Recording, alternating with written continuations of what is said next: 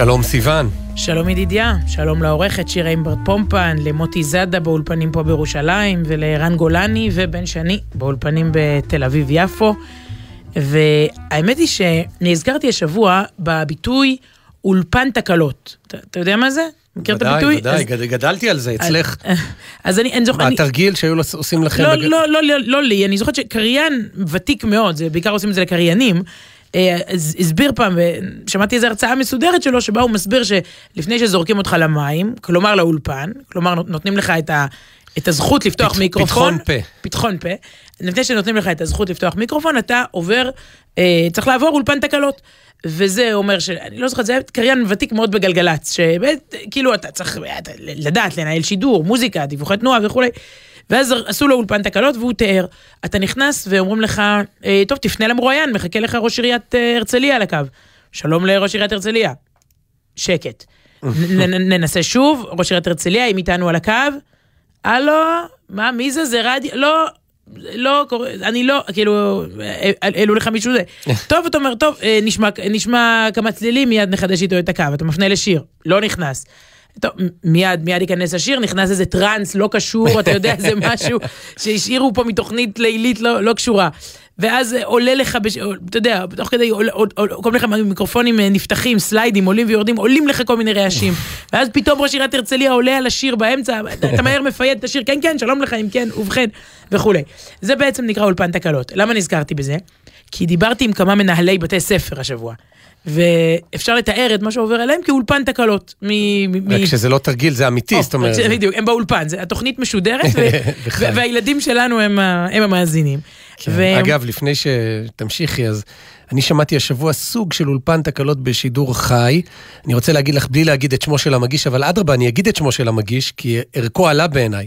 זה היה ירון וילנסקי. ומשהו התנתק בשידור, ואז הוא עבר, הוא אמר, טוב, הוא, הוא היה עם ברדוגו, ברדוגו נפל לו. לא רק נפל לו, אלא המשיך לדבר ולא שמע אותו. זאת אומרת, הוא, הוא, הוא, אתה שומע אותי? הוא ממשיך, אחרי זה הוא לא שומע אותו. טוב, נעבור לפרק הכתבות, ואז אתה אומר, כאילו, אה, יופי, יש לו את המכסה של הכתבות, שזה... זה מוקלט. זהו, כן, זה, זה מסודר, זה בטוח. טוב, נעבור לכתבות. לא עולה. טוב, לכתב השני, לא עולה. עכשיו, הכל היה שם באותו... אלגנטי. באמת, יש כזה מגיד שבחו שלא שינה, כאילו, אותו טון, אותו נקיות. אוקיי, מדהים. אני לא רוצה לשמוע את הישיבה שהייתה אחר כך, אחרי התוכנית, אבל אוקיי, בסדר. זה אגב, הקטעים לא, הכי הרבה... לא, אבל לפעמים זה מה, אינטר... אתה יודע, אתם דו... אולי זה כוח עליון, לא? ברור, ברור, לא אבל. אה, לא, יש איזו מכסה של תקלות טכניות שאתה צריך כאילו מה, לצאת ידי חובה בשנה. רק ש... אה, אה, זה הרגעים עם הכי הרבה רייטינג. כן, זהו, אף אחד לא, הולך. נכון. אתה לא מזפ... אם אתה רואה אותו במצוקה, אתה לא הולך, בוא נראה, בסוף הוא ידבר עם מישהו. בכל אופן, אני לא שומע אותך. סתם, ניסיתי להעלות את הרייטינג. הנושא הוא ממש אינו שדרני רדיו ותקלותיהם, אלא מערכת החינוך. באמת, היה לנו חשוב לפתוח בזה. כי באמת, באמת, אנחנו מדברים לדעתי על מיליוני הורים, מורים ותלמידים, שהם גיבורי התקופה. אין אפשרות בכלל לכמת, לדעת, כיוון שמדידת המאומתים היא מזמן לא, לא רלוונטית בעצם, והיא הופרטה, הופקעה, בעצם הופסקה.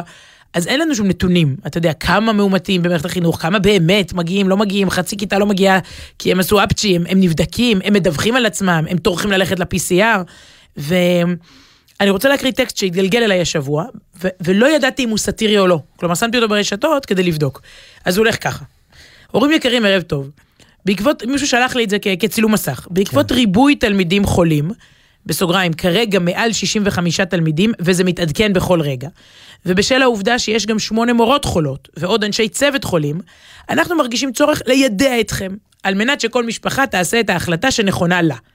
וכך היא מסבירה המנהלת. רק בבוקר, אחרי שאנחנו רואים כמה ילדים הגיעו לבית הספר, אנחנו יכולים לבנות מערכת לאותו יום.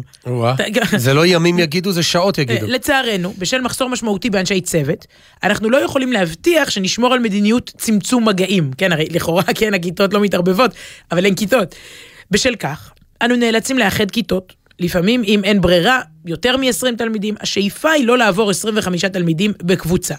כמו כן, כדי לא להשאיר קבוצות לבד, נכניס לכל כיתה כמה אנשי צוות. כלומר, בהחלט ייתכן שלכל מה, יש כיתה... תחלופה כאילו? כן, ייכנס בכל שעה מורה אחר, הכל בהתאם למורים ולתלמידים שיגיעו.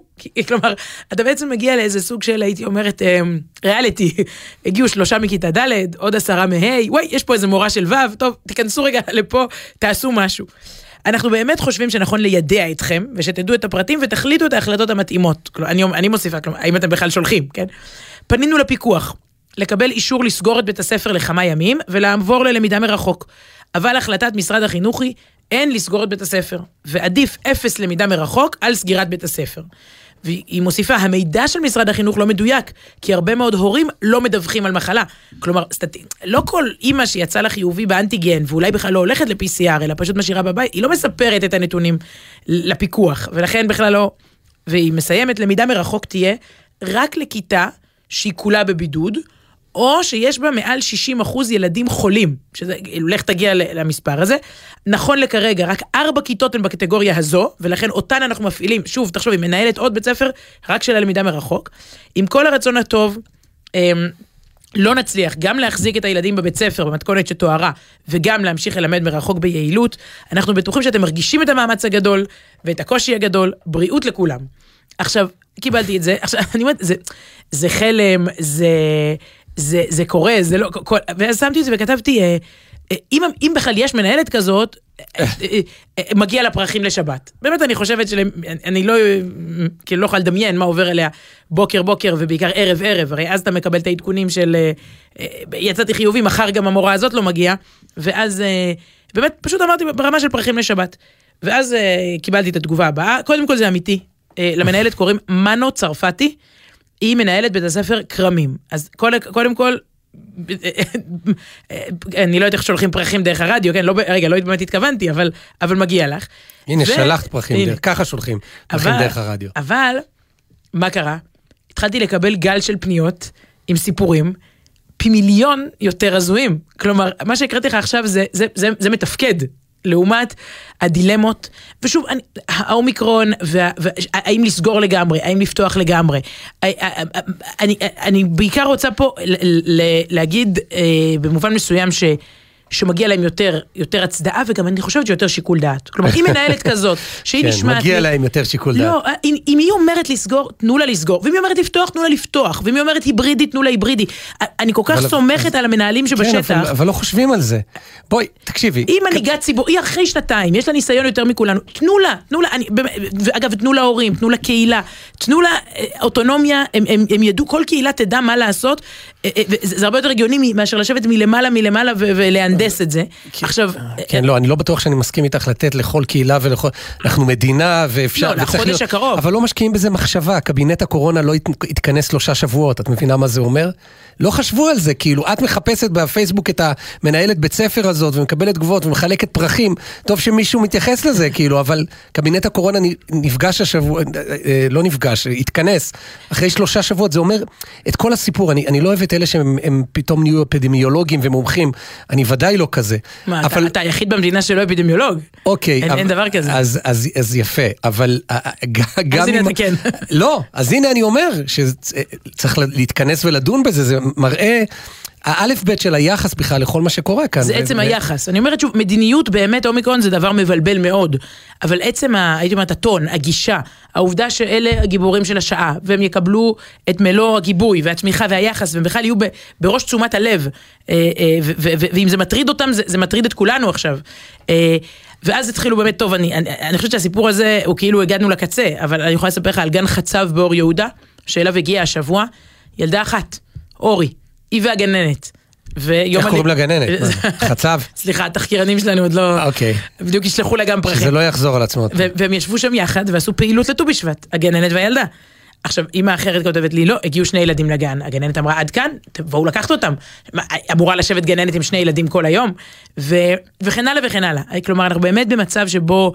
מעבר לנשימה והומור וחיוך ותמיכה ו- ו- וכולי, אני חושבת שאלה אלה התרופות המובילות לתקופה הקרובה.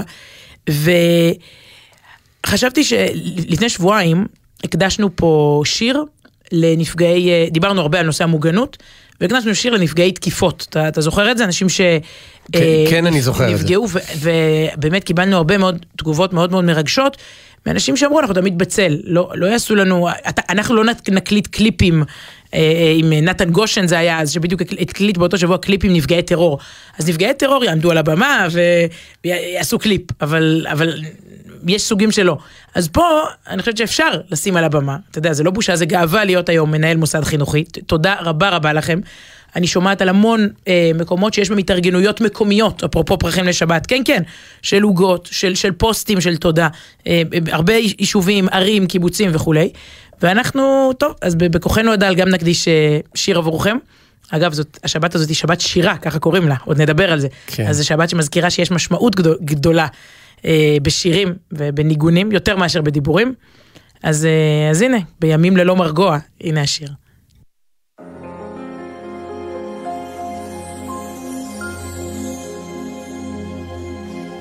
רק תפילה אשא, או כלי כלי, שהשמש תעבור עליי, ותראה לי שוב את משעולי, או כלי כלי. רק תפילה אשא שהשמש עליי ותיקח אותי אל המסע. תפילה אשא.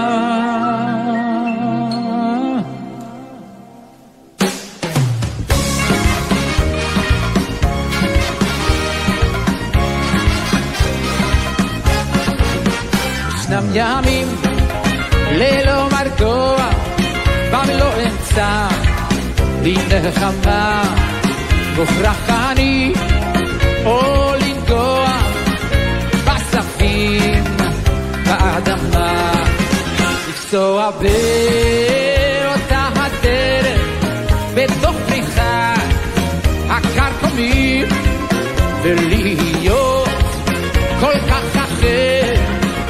ולברוח ערב הגשמים. תשירו!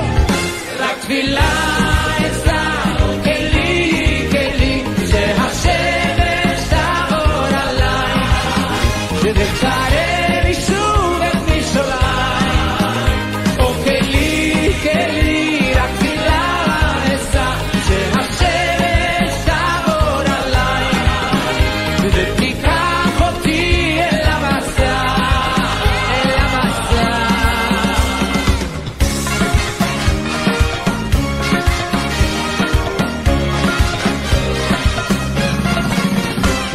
אם אשוב אל זאת הארץ, ואם אפסע שוב בדרכים, האם כקדם יכירוני האנשים והפרחים? רק תפילה אשא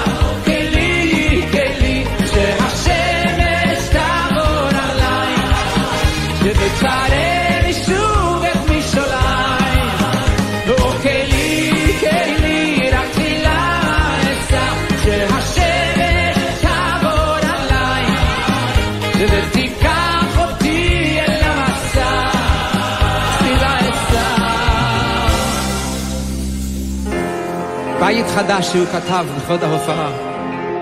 האם אמצא את כל היופי, את הבאר הנושנה, אשר הייתה שם כשעזבתי, עוד נובעת כבראשונה.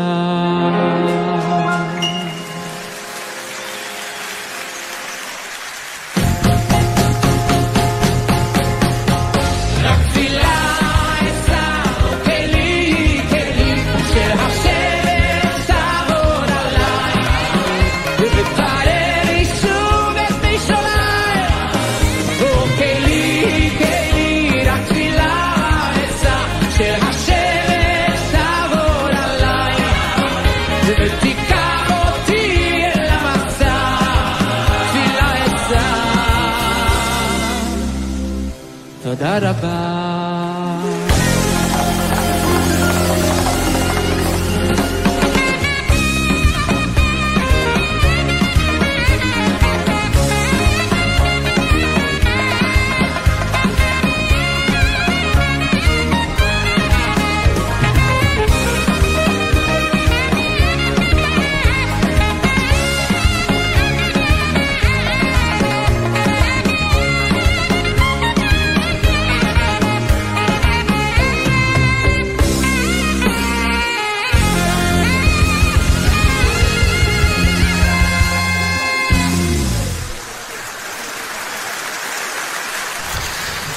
אברהם פריד, בביצוע, בביצוע שלו, בגרסה שלו לשיר של אה, יורם טהרלב, כולל בית שהוא הוסיף לו.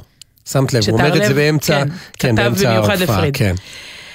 ספר חדש נחת על שולחננו השבוע, קוראים לו מתחת לגשר, מסע פסיכולוגי חסידי אל משאבינו הפנימיים. שם, שם גאון, לא הכותרת משנה, כאילו היא מסבירה, אבל השם של הספר גאוני בעיניי. מתחת לגשר, מתכתב עם הסיפור המפורסם, מה, לספר, כן, כאילו כן. סיפורים מפורסמים. אה, אבל אני מלחיץ אותי לספר סיפורים מפורסמים, כי אני... סיפורים מפורסמים ובדיחות מפורסמות אני נוטה? להרוס. אבל היה אדם שחלם ש... וואי, אני כבר... זה נכון עד כאן?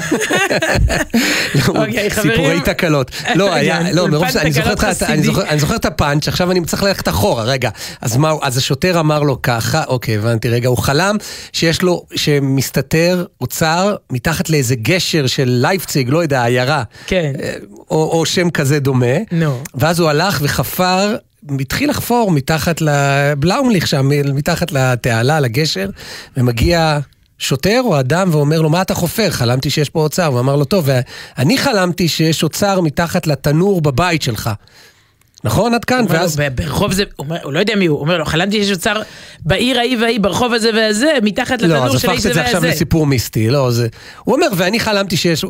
אה. אותו אדם מסתפק כבר באמירה הזאת אוקיי. ואמר, אה, כנראה שלחו אותי עד לפה כדי לשמוע מהשוטר וזה, שזה אצלי בבית. חפר תחת או הרים את התנור שלו ומצא שם אוצר. מסתבר שהוא נמצא מתחת לגשר של כל אחד או משהו, משהו כזה. אוקיי. אבל השם גאוני, אני אומר לך. אני, אני לא ראיתי אדם מכניס את עצמו לאולפן תקלות ככה, אבל בסדר. מתחת לגשר דוקטור מרים כהן אבנרי, שגם מסבירה את הסיפור הזה לעומק בתוך הספר, אה. סיפור חסידי באמת מפורסם, אבל הספר נפתח בקטע. אני חושבת הכי פופולרי שהקראנו כאן בתוכנית לאורך השנים, זה היה כבר ממש לפני הרבה שנים, הקראנו פה קטע אה, שנקרא אה, על המבורגר, דמעות וגמישות. אני זוכרת, המבורגר, דמעות וגמישות. ואיך אני יודעת שהוא פופולרי? כי ביקשתם אותו. כלומר, אנחנו, יש תיבת מייל שהיא סוף שבוע, זה אני יודע בטוח, כן. מסוף, את יודעת מה, לא יודע. מתחת לשטרודל. כן, סוף שבוע במילה אחת בג'ימל.קום. סוף שבוע, שטרודלג'ימל.קום, ופשוט, אה, אני זוכרת שהקראנו אותו והציפו אותנו בבקשות לקבל אותו, ושלחנו אותו להרבה אנשים. אחרי איזה שנה, שנתיים, שוב מישהי ביקשה, אז אמרתי, טוב, נקריא אותו שוב, ושוב זה קרה. וכתבה את הקטע הדוקטור מרים כהן אבנרי, והוא באמת מופיע גם בספר. זה ספר שלם של רעיונות ברוח הזו. ואז, אה, אני בטוחה שיש בספר הרבה דברים יפים, עוד לא כל כך הספקתי לקרוא, אבל גם זה מופיע שם. ונראה לי שזו הזדמנות מתאימה. בוא כן. נגיד ככה, בקורונה עוד לא שמענו אותו. וזה נראה לי קטע שמתאים מאוד גם לימים האלה. נכון, נכון, הוא מקבל תוקף. וטוב, יש כאלה שקוראים את הגב האחורי וכבר מדברים על הספר ברדיו, אנחנו כריכה אחורית, וגם את הפרק שאנחנו כבר מכירים מקודם, הכי, הכי טוב. אה, אז היא כותבת ככה, הכל התחיל מכוונות טובות. מצאתי את עצמי, אחרי בוקר של בילוי מוצלח, יושבת לאכול צהריים עם הילדים במקדונלדס. שנייה וחצי אחרי שחמודי פתח את האמנה שלו, הוא זרק בכעס את ההמבורגר למרכז השולחן לפני שטעם אותו. צעקות, בכי, זעם, הכל שימש בערבוביה. אני לא מתכוון לגעת בזה, זה מגעיל, זה לא מה שרציתי. נדהמתי, הרי אתה ביקשת ממני המבורגר בלחמנייה. אבל אני שונא כזה המבורגר. למה שבבי בצל? אני רוצה רק בצל אמיתי. ולמה אין להם עגבנייה וחסה באמצע? אני בכלל כבר גם לא אוהב קטשופ. פשלה שלי, אני נלחצת לכבות אה, שריפות ומנסה לפצות אותו. הרי אמא תמיד אשמה. אולי תטעם חמודי בכל זאת? השאלה הזאת מדליקה אותו. הוא נכנס להתקף זעם, ואז בוכה באומללות מחמירת לב. אם להודות על האמת, אני מתביישת מכל האימהות שמשקיפות מהצד בילד שמתפרק לי. נראה שאנחנו הצגה טובה, הצגה טובה עכשיו. תמיד מחזק לראות את זה אצל אחרים. כן, אל תפסיקו, תמשיך, אנחנו ממש לא... כן, כן. אם הן היו יודעות שאני פסיכולוגית, כותבת הדוקטור אה, מירי אה, כהן אבנרי, ההנאה הייתה כפולה ומכופלת. מזל שאין לי איזה סימן זיהוי או קרן על המצח. אני מחפשת אלטרנטיבה שתעצור את הכאוס. אגב, לא צריך להגיד את זה לפסיכולוגית, אבל הילד שלנו תמיד, הילד שלנו, שלכם, בוכה תמיד בקול יותר ממה שזה נדמה לכם. זאת אומרת... אה, כן, למי אכפת? לא, אה, כן. היו אצלנו לא מזמן זוג שהתארח בשולחן שבת, את זוכרת? ופגשנו אותם, ווואי, הבכיות של הילד, אני לא ידעתי על מה הם דיברו. אוי, נכון, לא זכרתי, מה... כן, אבל הוא הלך, והאימא שלו יצאה איתו. נכון.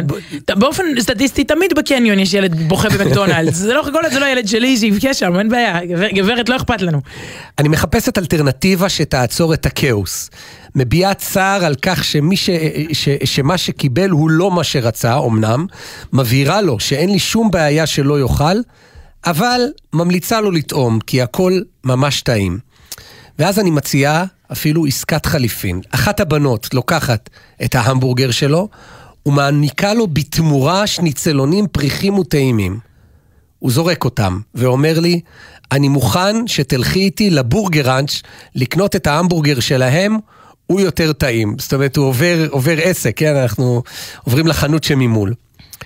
נסיך אמיתי, יפה מצידך, אבל תשכח מזה. העשתונות שאיבדתי מתחילים לחזור אליי. בחור צעיר, אני אומרת לעצמי בלב, אתה הולך עכשיו ללמוד שיעור בגמישות. מבחינתי שכל הצופים כאן והצופות יזרקו עליי עגבניות, אנחנו הולכים לנצל את הזדמנות הפז הזו לחזק את שרירי הגמישות שלך. אני מנהל, מנהלת איתו שיחה פנימית. חלילה לי מלומר את המילים בקול כשהוא נסער כל כך, אבל המילים מרגיעות אותי. יותר משחשוב לי, אני, אני אומרת לא בתוכי, יותר משחשוב לי שתצליח בלימודים, חשוב לי שתצליח בחיים. יכולת החשיבה המדהימה שלך לא מסנוורת אותי, כי אני יודעת שהנוקשות שלך וחוסר היכולת להתגמש לנוכח מציאות שאינה מתאימה לך, לא יאפשרו לכוחות הנפלאים שבך לפעול בהרמוניה. אגב, מדהים, כאילו, זה כל כך, כל כך נכון, ואתה רואה את זה עם אנשים ש...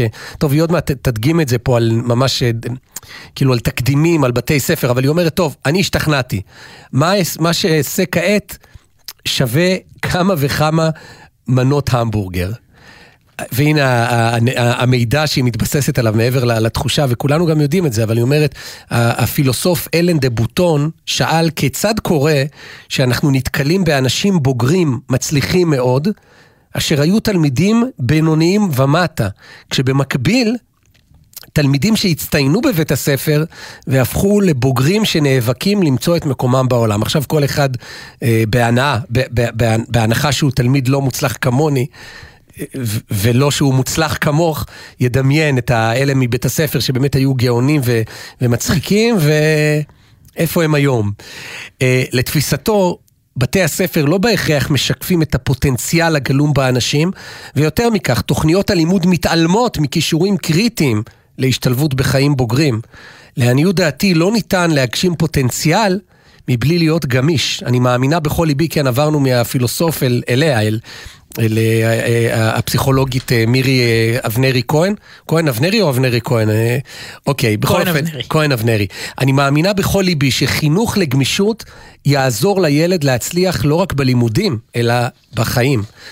גמישות זה אוצר בלום וחיוני לבריאות הנפש של הילד, פי כמה וכמה יותר מכל מקצוע שנלמד בבית הספר. אבל אי אפשר ללמוד את ה, גם את הדבר הזה, את המקצוע הזה, מבלי להתחכך באכזבות ובתסכולים במסגרת חינוכית וחברתית. אילו הייתי מתבקשת לצמצ... לתמצת בריאות נפשית במילים בודדות, המילה גמישות הייתה מככבת במקום של כבוד ברשימה הזאת. גמישות היא יכולת להיפתח למציאות משתנה, לשנות דבר מה בתוכי, כישרון מופלא להמציא את עצמי מחדש כשהחיים מפתיעים, לטוב או למוטב, לעשות דברים בכל מיני דרכים ולא להיצמד לרצון או להרגל שמקבעים אותי, לא לתת לתסכול, לכעס ולעצב לנהל אותי כשהמציאות לא מתנהלת בדיוק לפי ציפיותיי. טוב, מה קרה בסוף עם חמודי? כן, את זוכרת? אנחנו במתח. דיבורים מאוד יפים, אבל כן, אנחנו בקניון. כן. הוא נרגע מעצמו, לקח את השניצלונים, חיסל בתיאבון רב את כל המנה, וביקש שאקנה לו עוד מנת שניצלונים, וקניתי בשמחה, אין לי שום פרינציפים, אני פשוט רוצה לעזור לו ללמוד להיות גמיש יותר, ולא להתפרק מכל תסכול או אכזבה.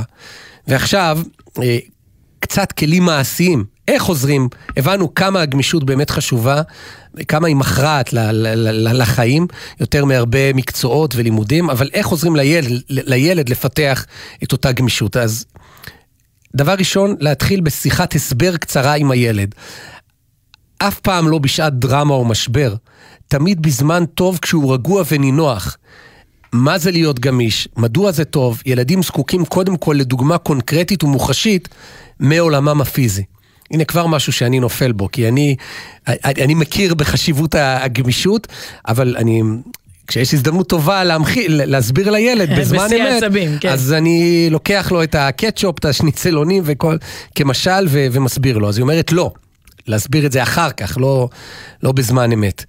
דבר שני, מה טוב בזה שאתה גמיש? מה אתה יכול לעשות כשאתה גמיש, ופחות יכול לעשות כשאתה לא גמיש? אפשר להדגים לילד דרך קיבוץ והרפייה של שרירי כף היד.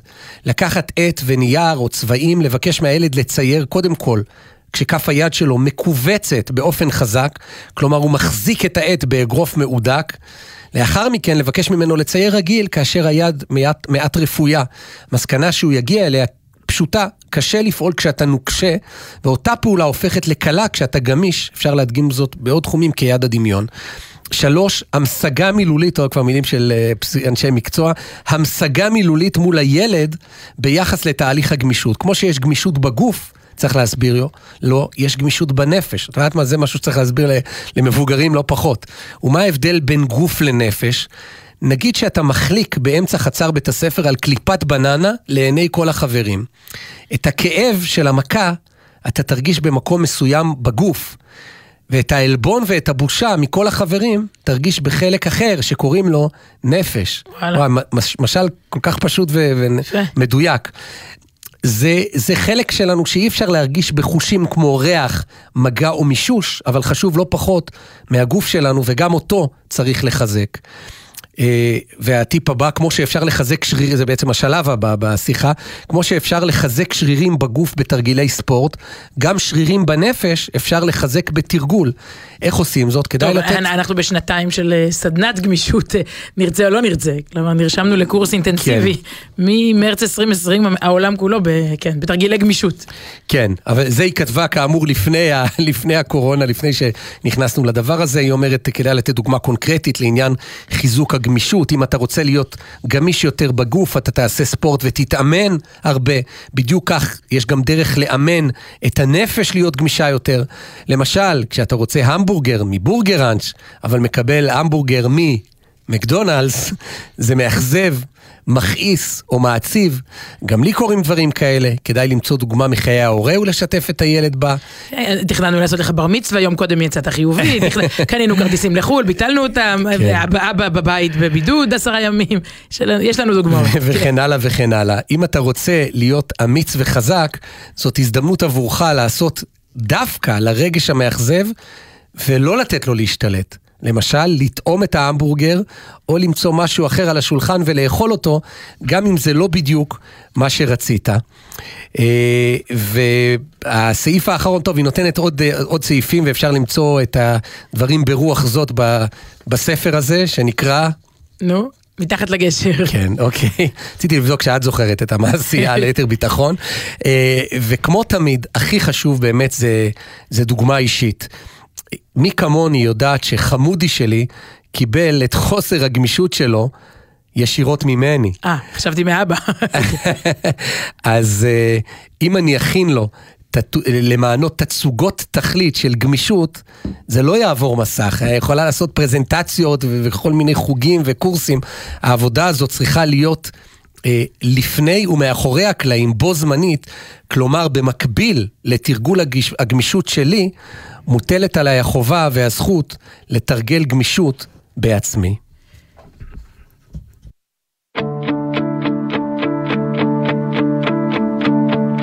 אם תפס אותך אחד אמר לך אתה חלש כך, אתה נכשל, אתה נכשל. אם ראה אותך, הוא אמר לך, תראה אותך. אתה קטן, כזה קטן, אל תאמין לו,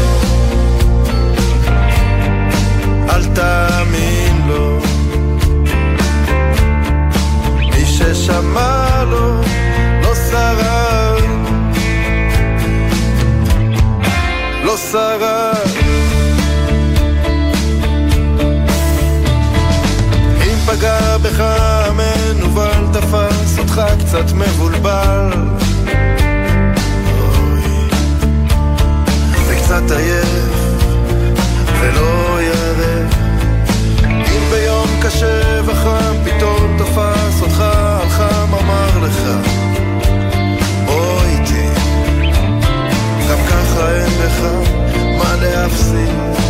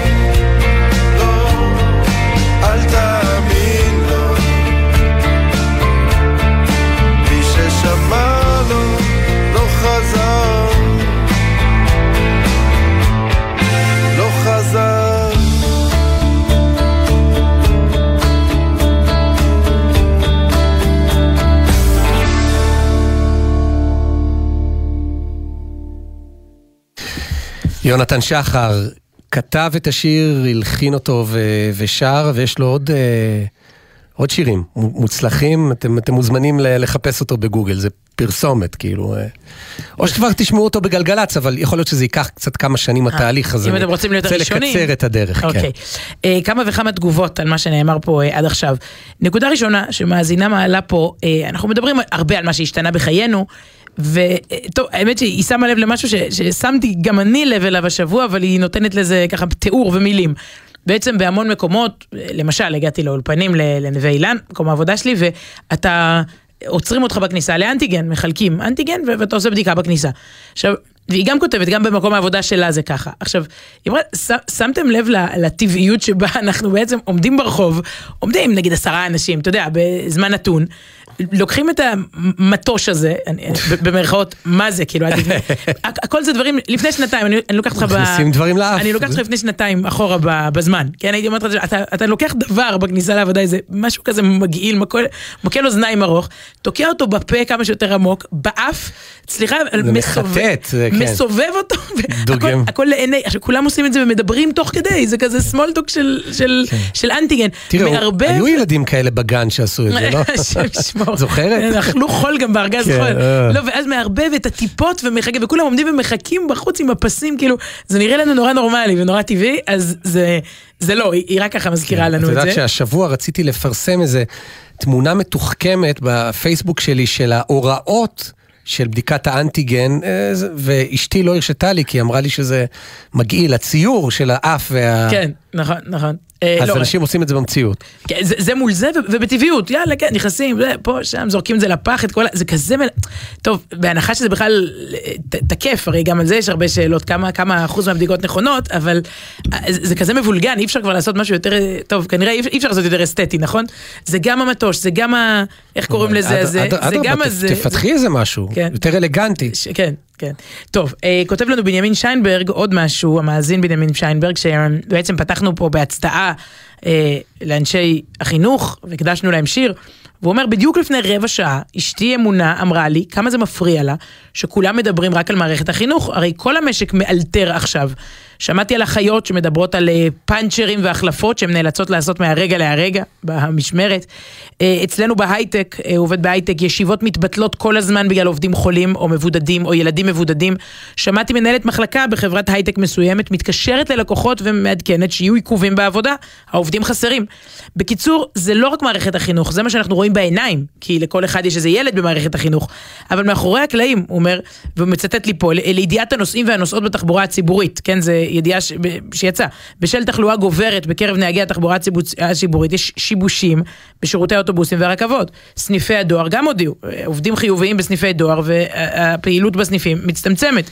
הוא מסכם ואומר, זה לא רק מערכת החינוך, נכון שזה מה שרואים בעיניים, אבל מאחורי הקלעים גם מוכרת בחנות בגדים צריכה לאלתר כל יום את הצוות ש, שמגיע או, או לא מגיע. כן, ועוד אז, זה- אז שיר ההצדעה הוא בעצם לכולם, לא נכון, בדי, ו- בדיעבד הוא ועוד מוקדש זווית לכם שאת חבר'ה. בכלל לא מדברת עליה, של אה, כל העסקים, לא במובן של רק אה, ל- ל- למצוא מוכרת מחליפה, אלא כן, ההפסדים הכלכליים. טוב, אתמול זה- הייתי באופטיקה, שירושלמית מוכרת, שיום חמישי בערב, זה בדרך כלל פשוט מפוצץ שם.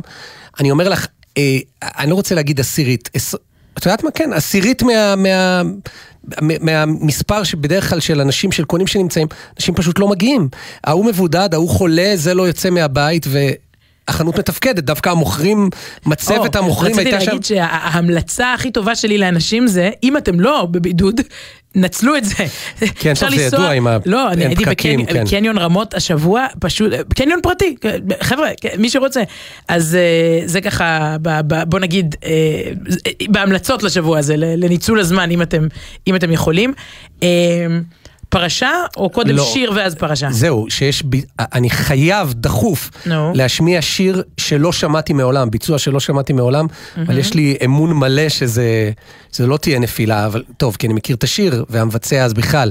אמיר דדון הוציא השבוע, הקליט מחדש את גשם. של, חמש שנים למאיר של בנאי מאיר עכשיו. בנאי, חמש שנים למאיר בנאי, ודקה על הגשם שיורד עכשיו, תסתכלי אפילו מהחלון של נכון. האולפן הירושלמי, וזה בטוח וואו. זאת אומרת, דמייני, גשם בביצוע של אמיר דדון, זה לא יכול להיות מאכזב. אה, בוא נשמע. בואי, בואי ניצור ציפיות, קדימה.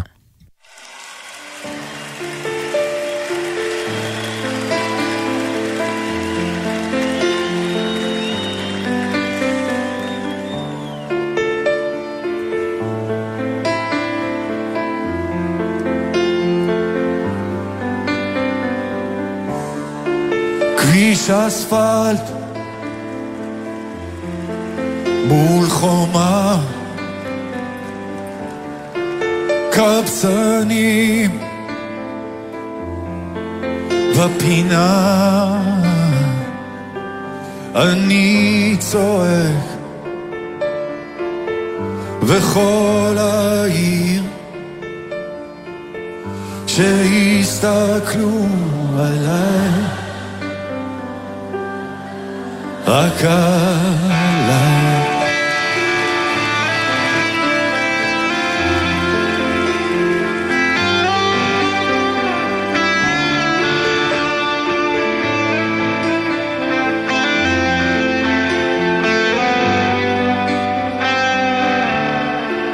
משתתף בקרבות ניצחונות, מפלות, אני צועק בכל העיר שיסתכלו עליי רק כאן.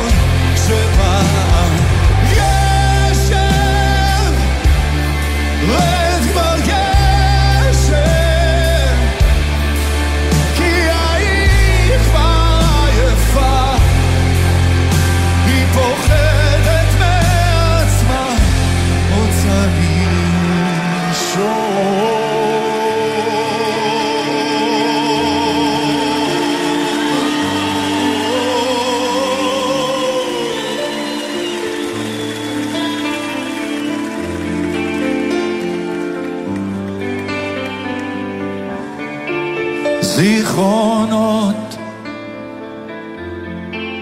אפלה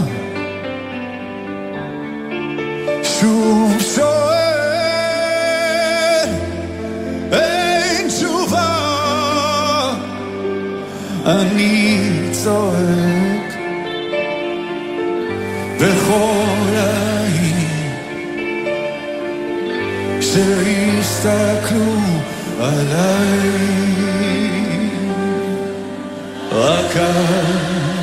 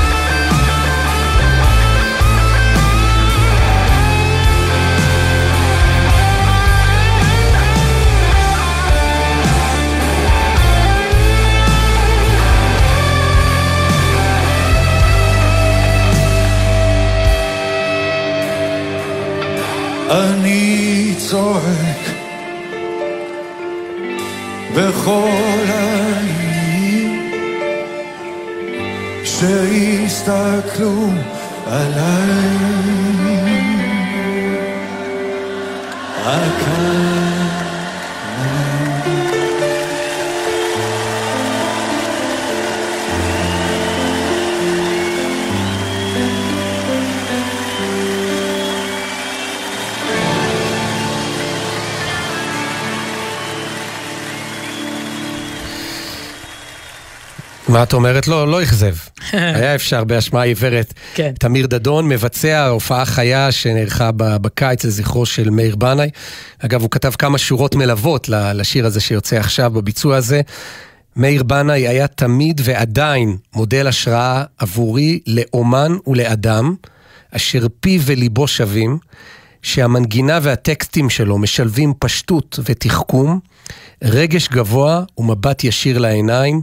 אוהב אותו תמיד וגאה לשיר את השיר היפה הזה לזכרו. יפה. מקסים. טוב, שבת עצומה אה, אה, לפנינו, שבת שירה. יש שבתות שמקבלות שם, אגב, זה מעניין. כן, ממותגות. בדיוק, בדיוק, שבת, שבת אה, מת- ממותגת, כי בדרך כלל שבת, אם אה, קוראים בה את פרשת לך לך, אז אה, שבת לך לך. אבל כל בדרך כלל היא הולכת לפי שם הפרשה, אבל יש שבתות, נגיד השבת שלפני פסח, כן, שבת הגדול, ועוד שבתות, שבת תשובה, שבת שלפני יום כיפור, שבתות שיש להן גם שם, זה, זה לא רק הפרשה, זה גם השם של השבת. וזוהי שבת שירה, כי קוראים בה את שירת הים, בתוך פרשת השבוע, פרשת בשלח. חלק עצום מהפרשה הוא בעצם אה, השירה המרגשת שעם ישראל שר על שפת הים, זה לא מובן מאליו. לא רק לספר סיפור, אלא לשיר אותו. שים לב מה אנחנו עושים בליל הסדר נגיד, או בטקסים מסוימים, או... אנחנו... עולם הדיבור הוא, הוא מוגבל, עולם הניגון הוא יותר גבוה, זה יותר חווייתי, יותר משמעותי, יותר עמוק בנפש, והם עברו חוויה באמת מדהימה, קריאת ים סוף שנאמר, ו... ושרו. אבל די מהר אחר כך התחילו חריקות. ואנחנו, אתה יודע, האמת שאפשר פה, אפשר לסיים פה. איזה שבת יפה, שבת שירה, והם שרו, וזה מרגש, אבל אה, פדיחה, לא נעים לי, אתם תלכו ואולי תקראו את הפרשה המלאה בשבת, אה, ותראו שפרשת בשלח יכולה להיקרא גם לא רק שבת שירה, אלא שבת קיטורים. אה, שבת קינה, אם תרצה שבת קינה, אפשר ממש לקרוא לה גם ככה, קנ"ה. כי אני אסביר, כותב על זה מאוד יפה הרב הלל מרצבך מהיישוב יד בנימין. הוא אומר, אה, הוא קורא לזה הנפילה בדברים הקטנים. הוא אומר באמת, הפרשה מתחילה בשיא האמונה, אחד האירועים הגדולים בתולדות האנושות. ים סוף נקרא, עם ישראל יוצא לחירות, זה אירוע היסטורי שמרעיד את כל העולם, כולם מתפעלים ממנו, ועם ישראל גם מגיע לשיא רוחני מאוד מאוד גבוה, ושר את שירת הים באחדות, באמונה, בשמחה. רגעים מכוננים. אבל אז קורה משהו קצת עגום. מתחילות נפילות מביכות. פעם אחר פעם הפרשה, באותה פרשה, התורה אגב זה מעניין, היא לא, היא לא עושה קוסמטיקה. מיד אחר כך, פסוק אחר כך, מתחילות נפילות. קודם כל אין להם מים, באזור שנקרא מרה, הם אומרים המים מרים. אחר כך אין להם אוכל, במדבר סין, הם אומרים האוכל, אין אוכל. אחר כך הם לא מרוצים מהמן, הם מקבלים אוכל, לא מרוצים.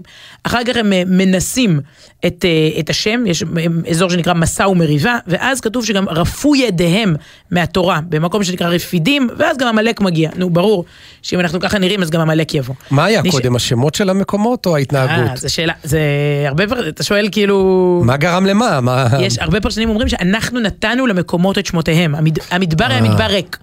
ואנחנו הולכים ובעצם נותנים למקום את שמו, גם בחיינו, אנחנו מחליטים איך יקראו לתחנה הזאת. וואלה. תחנת גל חמישי או תחנת uh, גיבוש משפחתי? תחנת uh, סגר או תחנת... Uh, uh, ממש, עם ישראל הולך לאורך המדבר, יש מקומות שקוראים להם uh, מתקע או שפר, מקומות טובים, ויש מקומות שקוראים להם uh, מרה, אפשר רק לנחש. בכל אופן, uh, איך קורה דבר כזה? אתה רגע אחד אתה באיזה פסגה רוחנית, קריאת ים סוף, ואתה נהיה כזה קטנוני, מים, אוכל, אני צמא, אני רעב. והתשובה היא שקל לפעמים להעפיל אל על, וקשה לשמר שגרה קבועה. זה הכי קשה. תראה מה זה, כאילו עיקר הנפילות שלהם בסוף זה על לחם ומים, הדברים הכי פשוטים, הכי קבועים, הכי קטנים. רבים מאיתנו למשל מוכנים למסור את הנפש למען הזולת, לעשות דברים למען כלל ישראל, אבל מי, אם מישהו עוקף אותך בתור במכולת, אתה, אתה צועק ומקלל, כן? שלא לדבר על הכביש. הדברים הקטנים לפעמים קשים מהגדולים, ו, ואדם גדול נמדד במעשיו הקטנים, בשגרה, ביום-יום, בהתגברות היומיומית, בהתייחסות למי שקרוב אלינו, ולא לעניים באפריקה, בזהירות בדרכים, בשלום בית, ביחס לילדים. פה אתה נמדד, ופה גם אתה עלול ליפול הכי הרבה. הפרשה ממש מראה את זה, את רגע השיא, ואחר כך את ההתבכיינות, כן? ו... במובן מסוים, ופה הוא מחבר אותנו, הרב הלל מרצבך, גם לט"ו בשבט, אה, יום שני, ראש השנה לאילנות, הוא, הוא בכוונה בחורף. אין עלים על העצים. זה לא תקופה של וואו, זה לא תקופה כזאת של קריאת ים סוף. היא לא נראית בכלל משמעותית בחייו של העץ. תקופה די אפורה, די כן, שגרתית. הפוך אפילו, כן. אבל למען האמת, באותו זמן מתרחש תהליך פנימי מאוד משמעותי. הוא יתגלה בפירות בקיץ הבא. אבל זה מלמד אותנו שוב, עיקר העבודה הוא, היא עבודה פנימית, לא מאחורי המסכים, מאחורי הקלעים, עמל, יגיעה, שגרה שנראית קשה, שם מתרחשים הדברים הגדולים. והפרשה הזאת היא בכוונה מביאה לנו גם את רגעי השירה הגדולים, אבל גם שאנחנו נמדדים בסוף בעמל היומיומי, בלחם ובמים, זו הדרך להתקדם באמת. אה, זהו, עד כאן. יפה. טוב, דיברת על שירה, עכשיו נשמע שירה. אה, מתוך אה, תפילה, תפילת ערבית שמתארת את הסצנה הזאת של אה, קריאת ים סוף ואת שירת הים. הלחן הוא של יונתן רזל, הוא לא מבצע אותו, אגב, לצערי, אולי עוד יוציא גרסה משלו, אבל הנה ביצוע בהיכל נוקיה עם קהל וכלי הקשה ויעקב שווקי, שירת הים וראו בנים.